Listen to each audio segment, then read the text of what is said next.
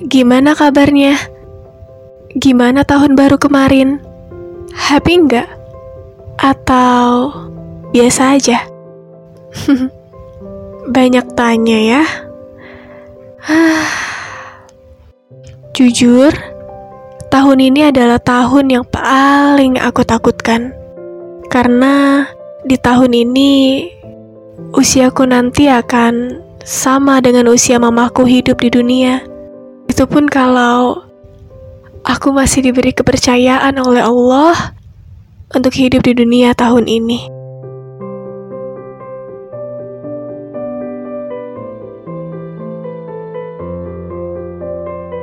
Ya, mamahku sudah tidak lagi di dunia di usianya yang masih terbilang muda.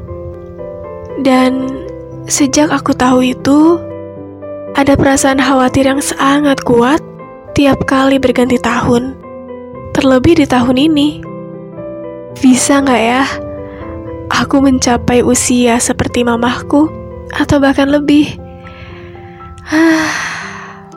Gimana kalau ternyata tahun ini tahun terakhir kita? Gimana kalau tiba-tiba tanpa sakit, tanpa jatuh, tanpa ada tanda-tanda dulu. Kita dijemput gitu aja sama malaikat Israel. Khawatir gak sih? Takut gak sih?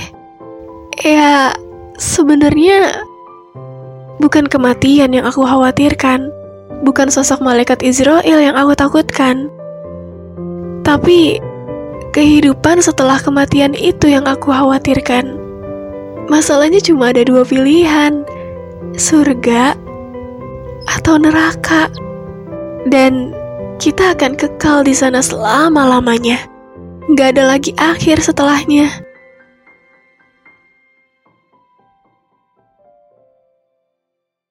Sedangkan aku masih aja meremehkan hal-hal yang sebenarnya Allah gak suka.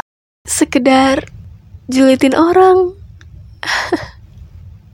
Kebanyakan scrolling IG yang sebenarnya nggak jelas tujuannya apa. Tiba-tiba udah tengah malam aja. Dan nggak ada karya apa pun yang dihasilkan seharian itu. Hal-hal yang kita anggap dosa kecil, tapi rutin kita lakukan. Hingga tanpa sadar, ternyata telah menjadi habit kita. Rasanya kalau nggak scrolling TikTok lama-lama kayak ada yang aneh gitu kalau tiba-tiba jadi orang yang gak dikit-dikit nyalahin orang lain itu kayak bukan kita gitu. Tanpa sadar perilaku yang kita anggap remeh itu telah menjadi habit. Kita membangun pundi-pundi amal yang mengantarkan kita ke neraka nanti. Itulah kenapa tiap berganti tahun yang muncul di aku itu adalah rasa khawatir takut. Karena aku gak sepede itu. Gimana kalau yang selama ini kita lakukan itu ternyata lebih banyak yang bernilai dunianya daripada akhiratnya? Gimana kalau kalau selama ini kita udah pede menganggap apa yang kita lakukan itu bernilai akhirat, tapi ternyata Allah memandang yang kita lakukan itu hanyalah untuk dunia semata? Gimana kalau ibadah yang selama ini kita lakukan ternyata nggak bernilai ibadah di mata Allah. So, semoga jeda kali ini bisa jadi pengingat sekaligus penyemangat untuk kita. Agar di tahun yang baru ini kita bisa menjadi pribadi yang lebih baik lagi, menjadi pribadi yang menghargai waktu dengan sebaik mungkin pribadi yang lebih menghargai lagi potensi yang sudah Allah berikan.